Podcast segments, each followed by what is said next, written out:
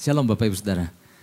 Oke, puji Tuhan Bapak Ibu Saudara, kita sama-sama tangkap apa yang jadi pesan Tuhan buat setiap kita. Saya Bapak Ibu Saudara di pagi ini, di minggu ini. Pesannya adalah gini, apa DNA kita? Wow, apa DNA kita? Nanti saya jelaskan ya Bapak Ibu Saudara DNA itu apa. Sesuatu yang diturunkan ya dari orang tua kita kepada kita ada nanti ada ada penjelasannya di bagian dalam. Ya di dalam jadi gini, Waktu Tuhan kasih pesan ini Tuhan memperlihatkan gambaran tentang sel manusia. Termasuk di dalam sel itu ada DNA-nya, ada kromosom. Ya Bapak Ibu Saudara yang dulu di SMA pernah ikut kelas biologi tentu pernah dengar namanya kromosom. Atau yang pernah di jurusan IPA di kelas biologi itu ya. Masih ingat. Tapi kalau yang di jurusan yang selain IPA ya nggak apa-apa hari ini baru dengar.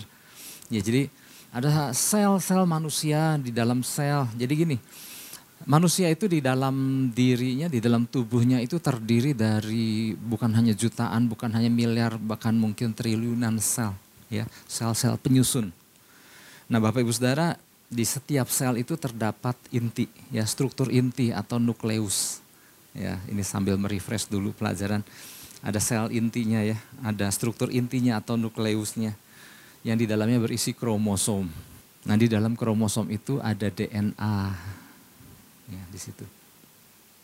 Jadi di dalam kromosom itu ada untayan DNA yang bentuknya kayak tangga.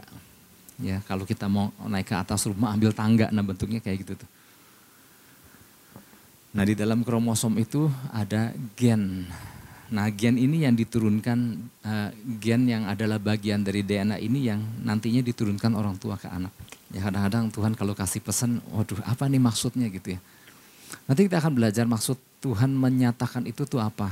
Ya, bahwa waktu sebelum kita jadi anak, dulu sebelum kita dilahirkan, kita itu diuntai dulu, disusun dulu sedemikian rupa memang ada gen yang menurun dari orang tua jasmani kita. Tetapi lewat pesannya ini juga Tuhan lagi mau ingatkan, eh waktu kita dilahirkan baru dalam Kristus. Ada gen Kristus, katakan amin. Tapi nanti di bagian dalam akan saya jelaskan lebih jelas lagi, tapi saya mau ajak kita buka Mazmur 139 ayat 14. Kita baca sama-sama yang sudah terpampang di depan ini, Mazmur 139 ayat 14, 1, 2, 3. Aku bersyukur kepadamu oleh karena kejadianku dahsyat dan ajaib Ajaib apa yang kau buat dan jiwaku benar-benar menyadarinya. Katakan amin.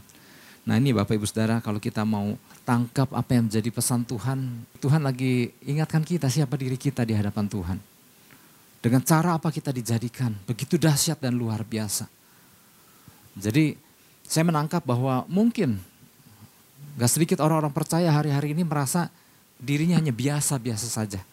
Bukan siapa-siapa tapi hari ini ketika kita dengar firman Tuhan, kita diingatkan, eh kita diciptakan dengan dahsyat, dengan begitu luar biasanya.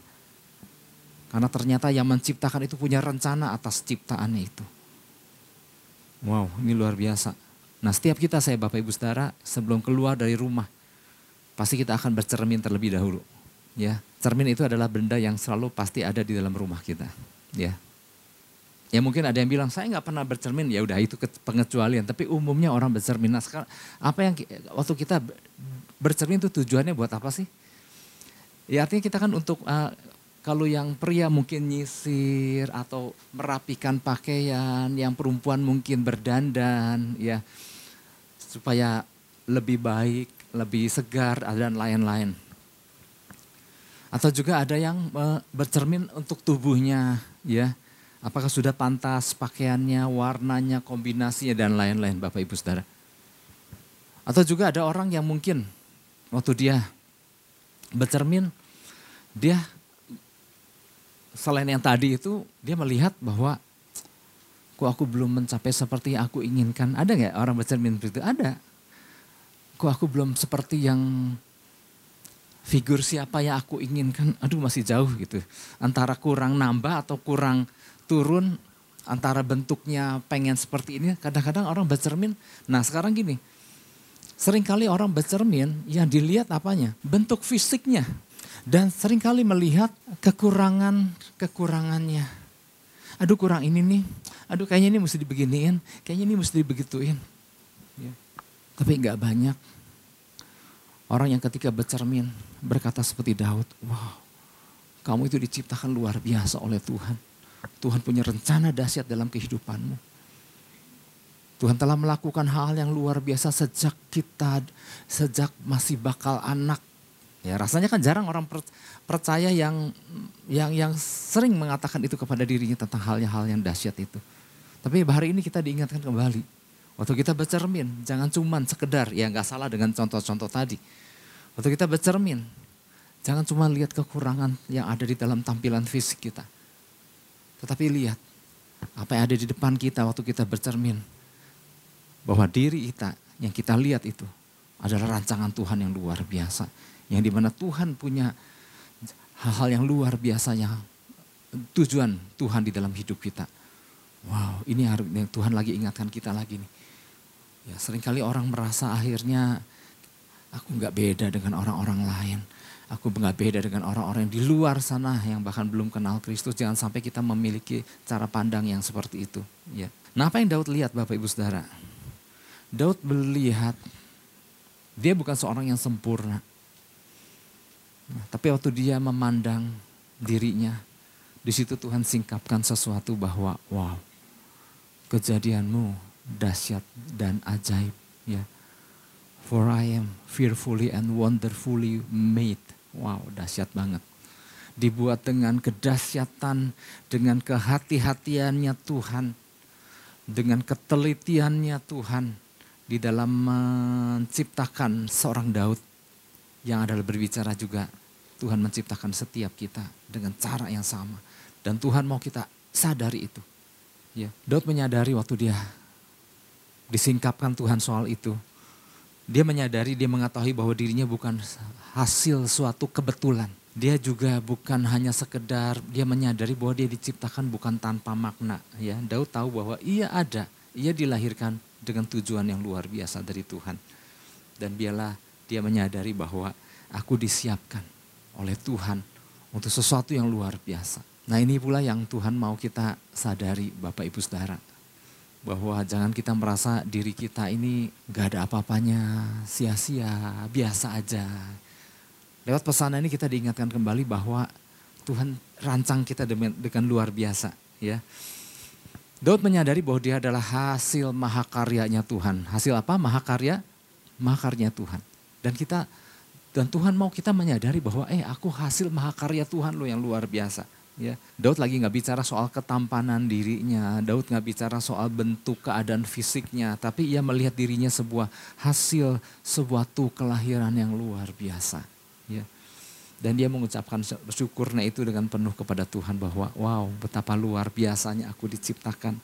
Ketika kita menyadari ini seharusnya ini menjadi rasa syukur kita kepada Tuhan bahwa kalau kita ada hari ini dan apa yang ada di hadapan kita waktu kita bercermin, Wow ini adalah sebuah yang hasil bukan dari sebuah kesalahan tapi hasil sebuah rancangan Tuhan yang sudah dipersiapkan dengan begitu matang. Ya, terlepas ada orang-orang yang diciptakan memang yang dilahirkan hasil dari ketidaksengajaan. Ada kan anak-anak yang lahir karena nggak sengaja. Ya hamil. Ah, gimana, jadi gimana nih? Uh, gugurin jangan, gugurin jangan, gugurin jangan. Ya janganlah nanti dosa. Ya akhirnya jadilah itu anak. Ada anak yang dilahirkan karena benih dari kedua orang tua yang gak ada cinta. Dan jadilah itu anak. Jadi sebetulnya gini Bapak Ibu Saudara, ada orang anak-anak yang ada orang yang dilahirkan tanpa sebuah perencanaan. Ada yang dilahirkan orang tua yang tanpa cinta. Ada yang dilahirkan karena nggak sengaja kebablasan. Terlepas dari itu, makanya gini, makanya kenapa perlu dilahirkan kembali di dalam Kristus. Nah tetapi di, di luar semuanya itu ada cara Tuhan di dalam membentuk seseorang dari bakal anak dengan cara Tuhan yang ajaib. Dan Tuhan mau kita menyadari. ya Mungkin ada orang kan sampai sekarang berkata, aku mah anak yang gak diharapkan gitu ya. Bisa aja, bisa aja seorang lahir dari benih yang seperti itu. Tapi kalau kita tahu bahwa kita saat ini dilahirkan, dilahirkan baru dalam Kristus, maka kisah itu udah kita tutup. Jangan terus dibawa-bawa. Aku adalah anak yang gak sengaja waktu pandemi, udah itu ditutup. Dan sadari bahwa aku saat ini di dalam Kristus. Memang buat Daud nggak nyampe pikirannya. Makanya kan ada ayat-ayat di ayat 17 salah satunya ya. Ada beberapa kali dia sebutkan di Mazmur 139 ini. Daud memang disingkapkan tentang bagaimana cara Tuhan membentuk dirinya sejak dari bakal anak. Tetapi buat dia pikiran dia pun nggak nggak nyampe, terbatas. Dan bagiku betapa sulitnya pikiranmu ya Allah. Betapa besar jumlahnya. Jadi waktu Daud coba merenungkan dia dia dia menyadari dia dibukakan oleh Tuhan betapa dahsyat cara Tuhan merancang mer, me, menenun dirinya. Tetapi nggak bisa terlalu dalam juga karena nggak nyampe. Karena apa? Terlalu dahsyat. Katakan terlalu dahsyat. Karena terlalu dahsyat kita dibikin sama Tuhan. Ini harus kita sadari. Nah ini jadi pesan Tuhan buat saya Bapak Ibu dan Saudara. Tuhan mau kita sebagai orang percaya menyadari bahwa Tuhan menciptakan kita secara istimewa. Katakan istimewa. Dan mempersiapkan begitu banyak hal luar biasa buat kita. Jadi jangan kita berpikir, ah udah hidup aku cuman begini aja lah. Cuman menghabiskan umur aja. Ya ampun, padahal Tuhan ciptakan kita begitu luar biasa. Karena Tuhan apa? Karena tujuan Tuhan. Bahan-bahannya pun bahan-bahan luar biasa. Makanya di dalam kejadian 1 ayat 28 kan, ayat 27, 28 kita diciptakan segambar serupa dengan Allah. Wow. Kenapa pakai bahan yang demikian luar biasa? Dengan elemen-elemen Allah. Karena gini, Allah punya rencana dalam kehidupan kita. Ada tugas-tugas yang hanya bisa dilakukan oleh orang-orang yang diciptakan dengan bahan-bahannya Allah. Kenapa kita dibuat dengan bahan-bahannya Allah? Karena supaya kita bisa bersekutu. Ya, saya pernah menjelaskan ini, ngeblend dengan Allah Bapa Makanya bahannya pun mesti bahan ilahi. Tapi karena dosa merusak itu semua. Makanya kenapa? Allah perlu turun ke dunia mengambil rupa manusia yang bernama Yesus. Dan kita dilahirkan baru di dalam Kristus. Benar-benar supaya kembali kepada rencana Allah semula. Dan ini harus kita sadari. Kita dibuat dengan begitu luar biasa. Nah Tuhan mau kita fokus kepada kelebihan yang ditanamkan Tuhan sejak semula. Waktu dia menciptakan kita. Tuhan mau kita fokus di situ. Jangan fokus dengan ya ampun hanya gara-gara hidung kurang mancung jadi hidup kita bermasalah. Bukan itu kok jadi fokus kita. Dan ciri-ciri fisik lain yang ya membuat akhirnya hidup kita minder, nggak produktif gara-gara ada beberapa yang kita pikir kita kurang yang orang lain belum tentu pikir seperti itu. Nah Tuhan mau kita fokus kepada apa kelebihan yang ditanamkan Tuhan sejak semula ketika dia menciptakan kita. Dan Tuhan mau kita bersyukur karena itu. ya. Jadi ternyata di dalam diri kita bukan hanya ada DNA orang kita, orang tua kita, betul. Kita ada dan bentuknya seperti ini, posturnya seperti ini, tinggi badannya bisa seperti ini, dengan mata yang seperti ini saat ini kita miliki dengan seluruhnya itu adalah kombinasi karena ada DNA yang diturunkan dari orang tua kita. Sedikit pelajaran IPA lagi ya.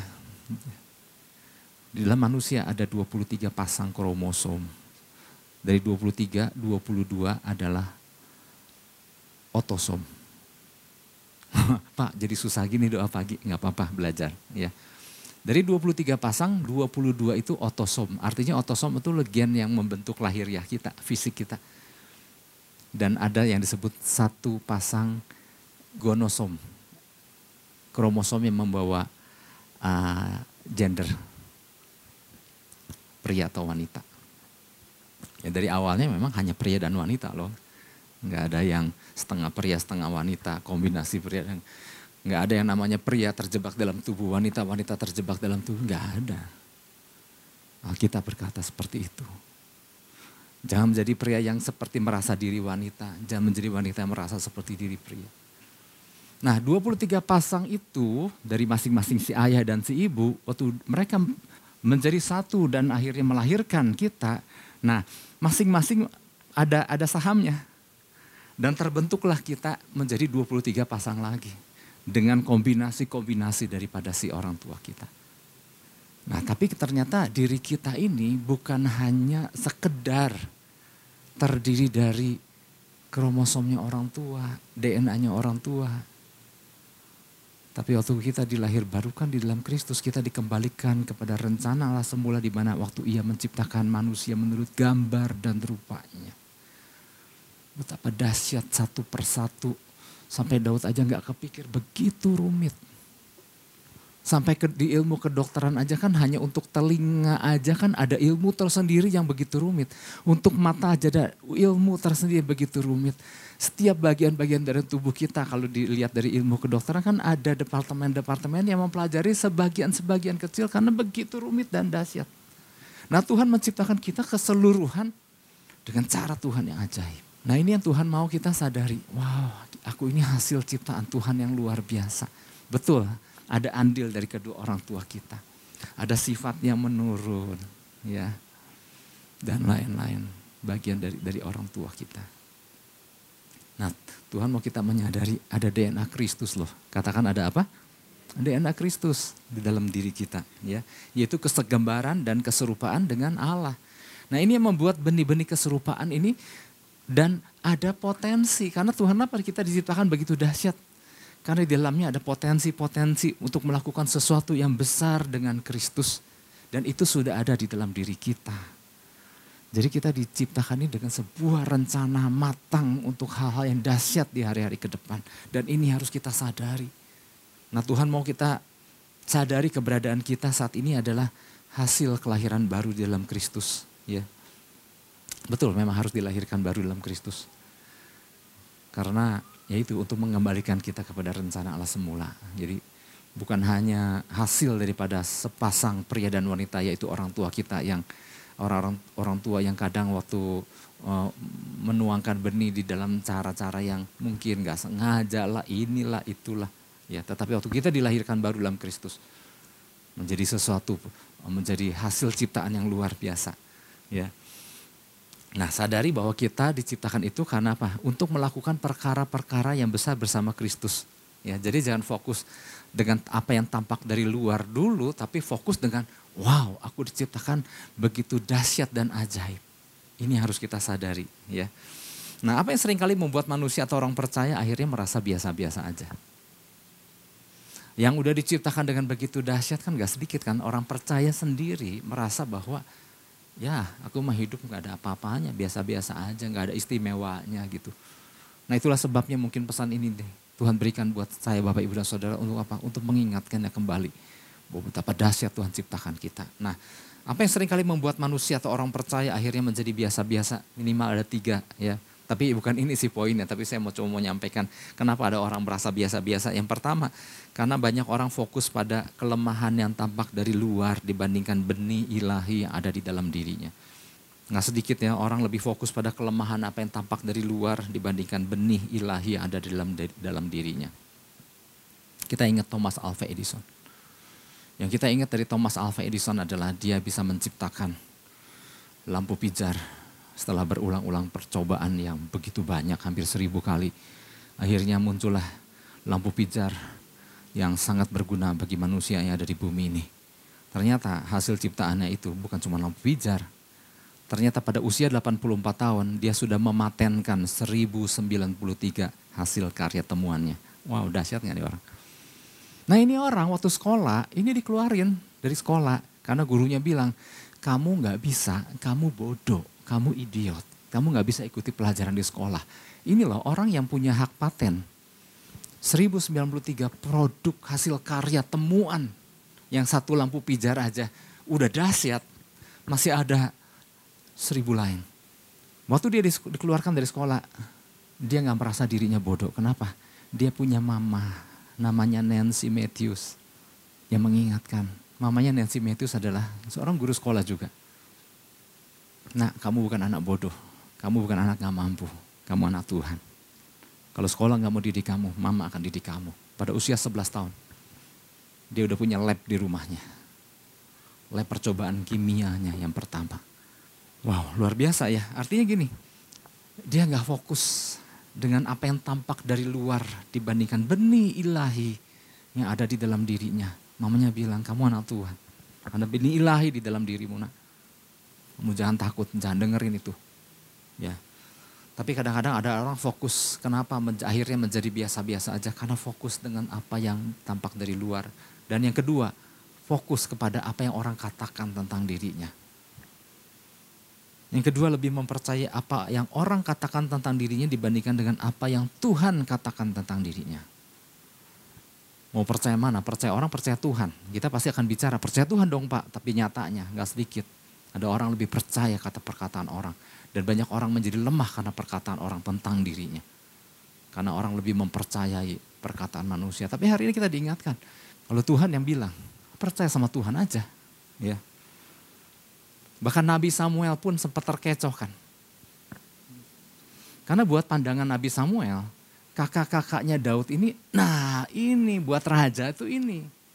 Sampai dia nggak nyangka bahwa loh anak kecil yang jadi raja.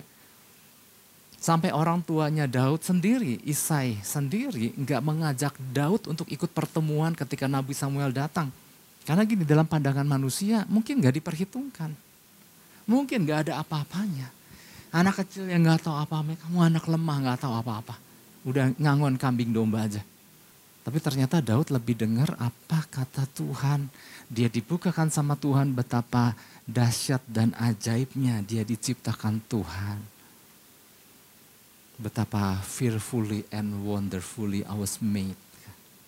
Dia lebih percaya apa kata Tuhan. Kalau dia melihat, kok aku baru dipanggil sih sama papa, dia nggak kecewa, dia nggak nggak habiskan waktunya dan kecewa-kecewa dengan seperti itu.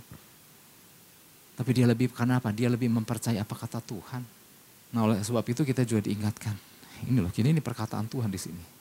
Dan di luar perkataan manusia. Mana kita dengar, biasakan diri kita untuk percaya perkataan Tuhan, firman Tuhan. Katakan amin. Yang ketiga, ini baru baru belum masuk ya, belum masuk poinnya. Apa yang sering kali membuat manusia orang percaya akhirnya menjadi biasa-biasa aja. Yang ketiga, karena tidak mau mengobarkan atau mengaktifasi karunia atau uh, gift yang ada pada dirinya. Kan Tuhan udah ciptakan dengan luar biasa, dengan segudang potensi, segudang karunia-karunia yang dahsyat itu. Tapi kalau dari pihak manusianya nggak pernah mengobarkan ya udah nggak jadi apa-apa. Apabila Timotius nggak dibesarkan oleh seorang ibu yang beriman besar atau nenek yang beriman besar atau nggak ada Rasul Paulus ayah rohaninya yang mengingatkan siapa dirinya, mungkin dia menjadi hanya menjadi seorang anak penakut yang nggak pede. Tapi bersyukur dia dibesarkan oleh orang-orang tua yang luar biasa. Sehingga dia menyadari, makanya Rasul Paulus kan pernah tulis kepada Timotius, kobarkan karunia yang ada padamu, yang telah engkau peroleh melalui pertumbuhan tangan dariku. Ada karunia, ya. Ini kita harus bisa membedakan ya. Kalau saya bilang karunia bukan kasih karunia, masih banyak laporan-laporan komsel yang belum bisa membedakan karu, kasih karunia dengan karunia yang gift. Masih belibet di situ. Ini lagi bicara karunia gift. Kita diciptakan oleh kasih karunia Tuhan, tapi Tuhan memberikan kita gift karunia. Nah karunia yang Tuhan berikan kepada kita belum sepenuhnya matang. Udah lengkap tapi belum sepenuhnya matang. Belum di unboxing. Ya, kalau kita mungkin beli HP baru, smartphone, si fitur-fitur yang ada di HP-nya ada ikut serta ada di dalam box itu nggak ada, semuanya lengkap di situ. Cuma belum diaktifasi aja. Kalau dipasang baterai, kasih SIM card. Maka mulailah bekerja. Ya, perlu diaktifasi. Ya, itu, itu, itu gambarannya ya. Semakin kita mm, apa mendalami setiap fitur-fiturnya maka akan semakin semakin luar biasa ya. Demikian seperti itulah karunia gift atau gift yang Tuhan berikan sama kita perlu diaktifasi maka kita perlu ada di dalam lingkungan orang-orang yang juga memiliki karunia karena untuk untuk mengaktifasi, untuk membakar diri kita untuk turut mengaktifasi. Ya. Ada orang yang memendamnya. Lagi-lagi soal tampilan luarnya. Ah, aku mau udah tua. Aku mah nggak berguna. Aku mau bodoh. Aku mau puas dengan gini aja. Nah itulah kenapa ada potensi-potensi yang akhirnya terpendam. Ada karunia-karunia yang nggak enggak teraktivasi karena apa? Udah dimatikan sendiri sama si pemiliknya. Dengan merasa, ah udah begini aja lah hidup mau nyari apa sih gitu. Akhirnya sepanjang sisa hidupnya ya udah menjadi biasa. Padahal Tuhan ciptakan menjadi alat supaya kita menjadi alat yang luar biasa. Nah, oke. Okay. Berkaitan dengan pesan Tuhan ini apa yang harus kita lakukan agar menjadi pribadi yang tidak biasa-biasa aja di dalam Tuhan, ya. Tuhan gak pernah paksa orang, Tuhan gak pernah paksa kita, namun Tuhan menggerakkan atau mau akan memampukan orang yang sadar bahwa di dalam dirinya ada potensi. Di dalam dirinya ada sesuatu yang dahsyat, maka Tuhan siap untuk menggerakkannya. Tuhan siap untuk memampukannya. Ya.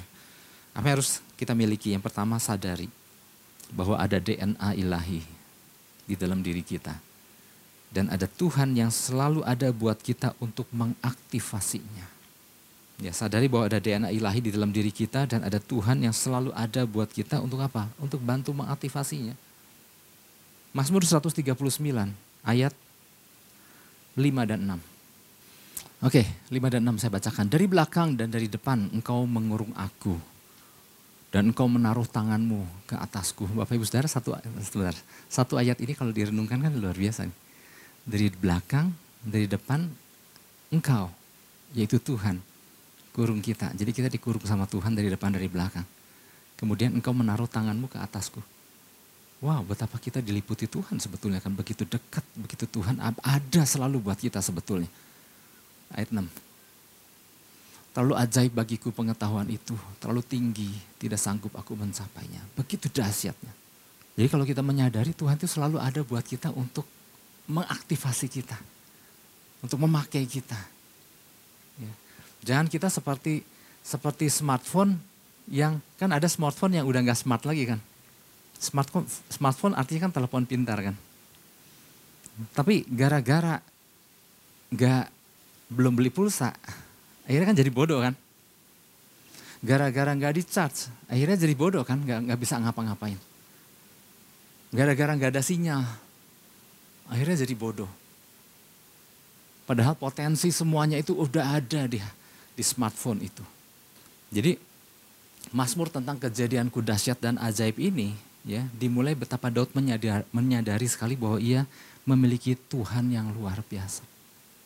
Nah di Mazmur 139 ini Bapak Ibu Saudara judulnya adalah Mazmur tentang kemahatauan Tuhan. Tentang diri Daud, tentang diri pribadi Daud. Wow betapa luar biasa. Ya ada tiga sifat ilahi Tuhan kan.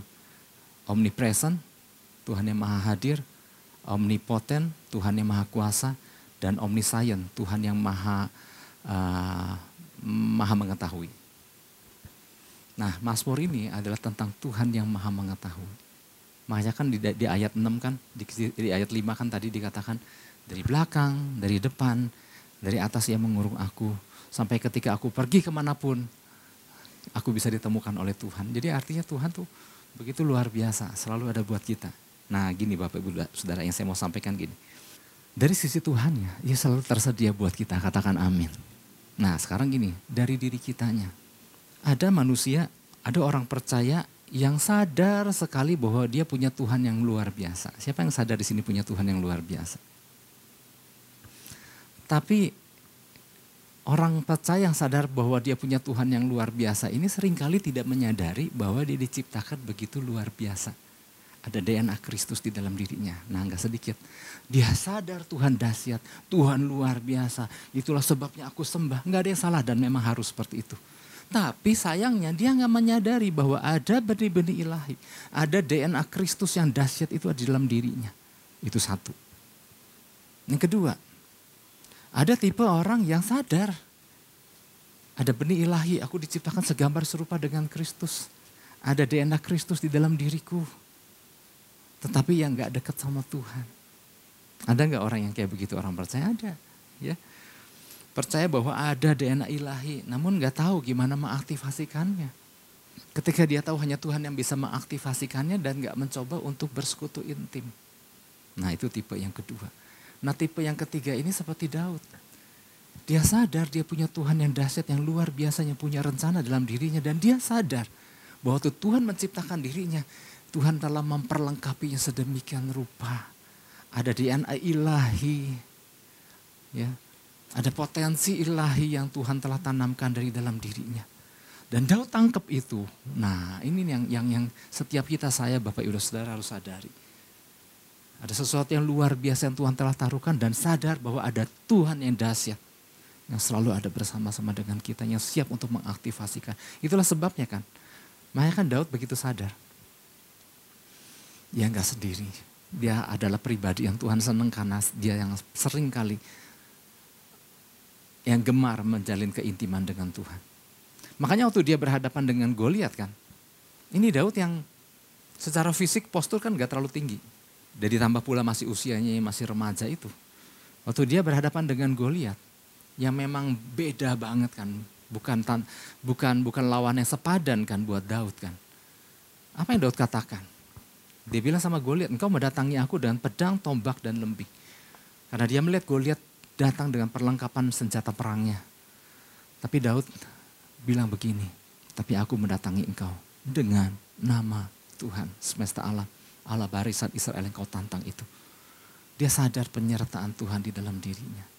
Karena ada jalinan kehubungan yang dia senantiasa bangun dengan Tuhan. Makanya dia tahu ada sesuatu yang dahsyat yang Tuhan taruhkan dan dia sadar ada Tuhan yang menyertai dia. Makanya hasilnya apa? Kemenangan Goliat kah? Apa kemenangan Daud? Kemenangan Daud. Karena ada Tuhan campur tangan di situ. Wow. Jadi jangan lihat, jadi kalau Daud ngelihat, ya kecil amat aku. Lawan Goliat yang raksasa itu. Ah udah kalah, enggak Daud. Makanya kan fokus Daud enggak sama tampilan fisik.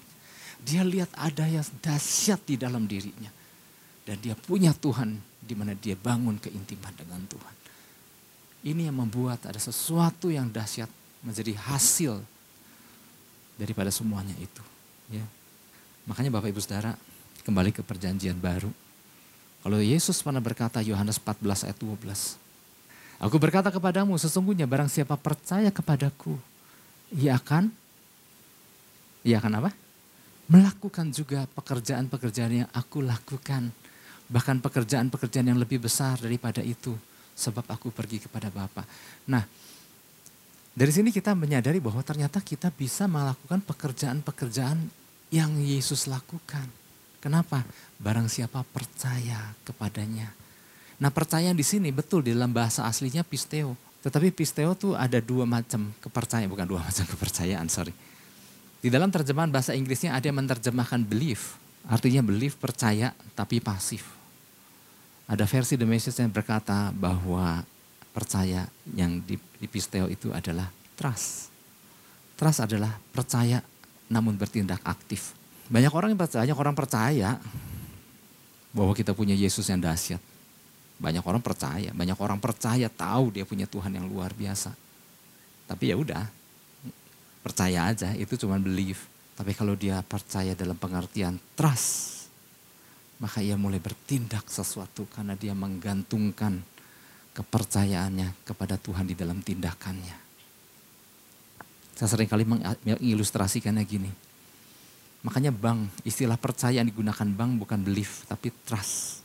Kita percaya bahwa satu bank itu besar dan bisa dipercaya. Oke, okay, percaya, belief. Tapi taruh uang, mau bawa uang, seluruh uang kita taruh di bank itu, oh enggak. Kenapa? Cuman belief aja. Betul, percayalah kamu besar banknya gitu. Tapi kalau orang trust sama bank itu, dia akan membawa uangnya untuk dia taruh di situ. Karena trust.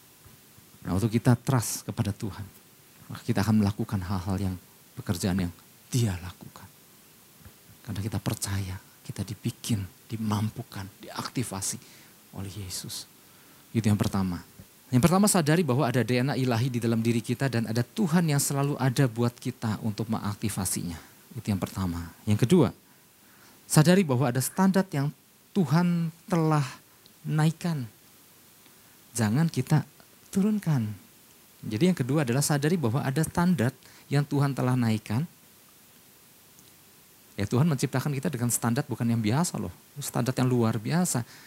Nah jadi masalah jangan kita yang turunkan. Jangan si orang percaya yang turunkan standar yang udah luar biasa yang telah Tuhan bikin.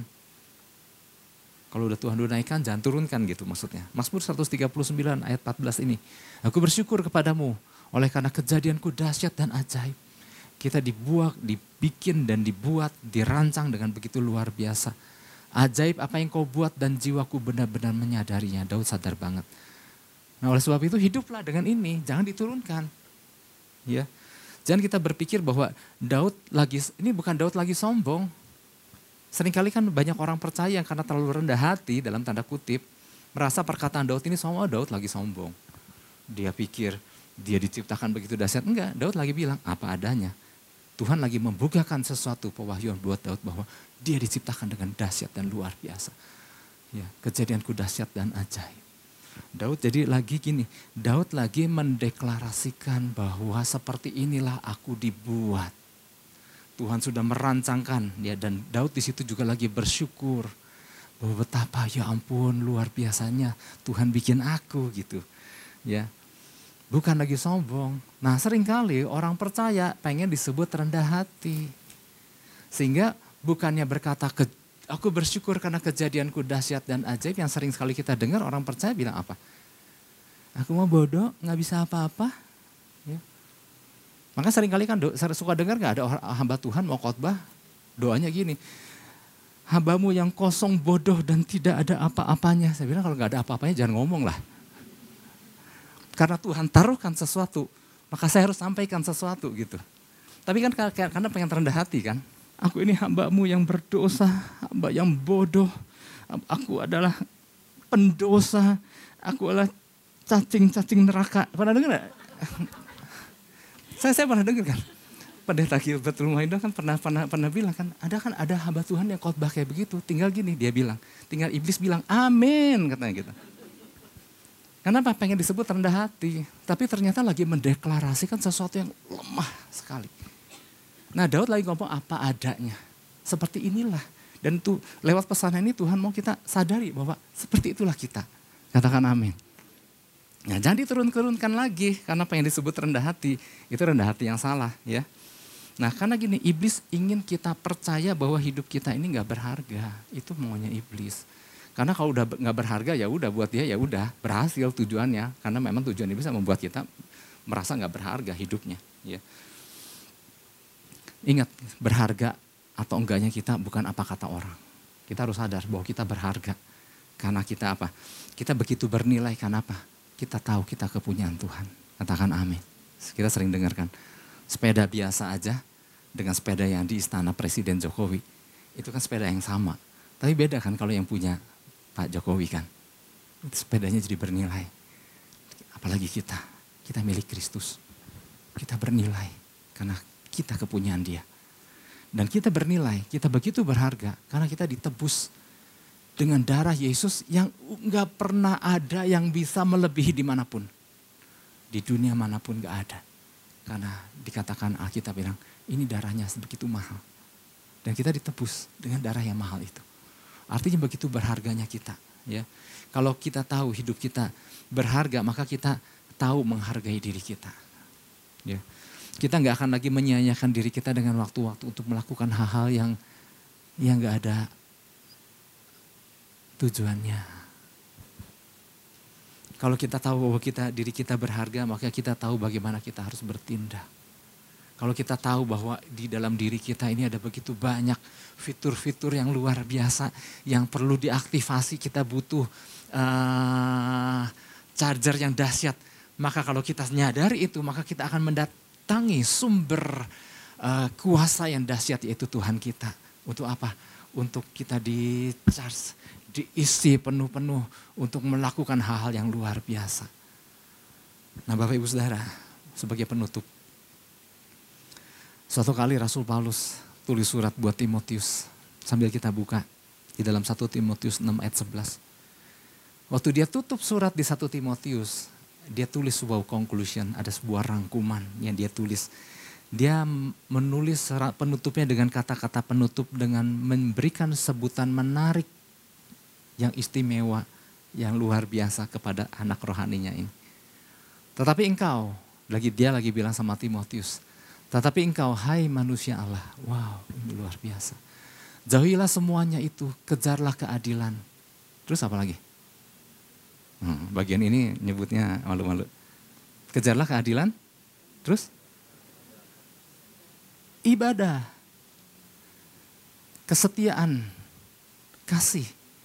Nah, bahasa sama-sama tuh, satu, dua, tiga. Tetapi engkau hai manusia Allah, jauhilah semuanya itu, keadilan, ibadah, kesetiaan, kasih, kesabaran, dan kesembuhan. Kita beri tepuk tangan buat Tuhan Yesus. Hai manusia Allah, manusia Allah melakukan ini.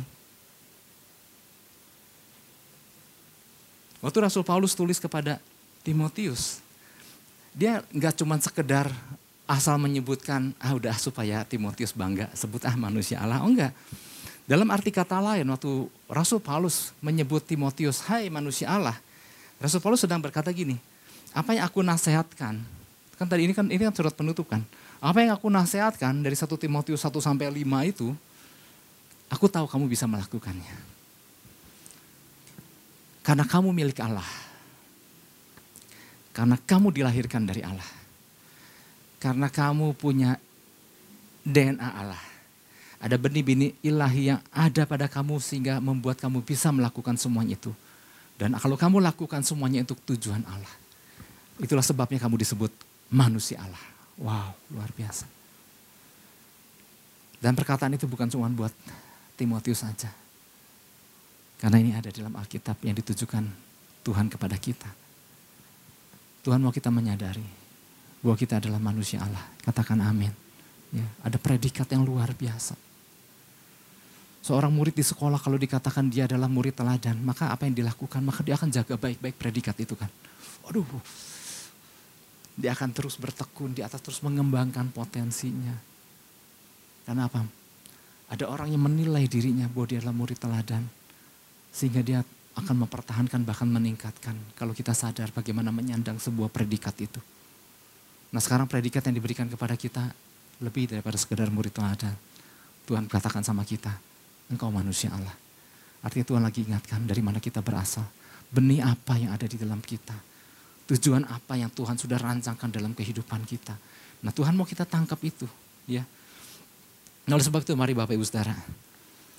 Bila predikat yang disebutkan kepada, disematkan kepada Timotius juga itulah predikat yang Tuhan sedang sematkan kepada kita. Ya, tangkap baik-baik, jangan turunkan.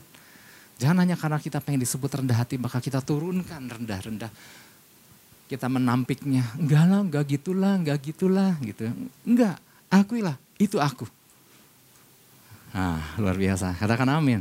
Ya, karena aku itu, maka aku akan mengejar keadilan. Aku akan mengejar ibadah, kesetiaan, kasih, kesabaran, dan kelembutan. Yang mau katakan amin. Beri tepuk tangan buat Tuhan Yesus. Haleluya.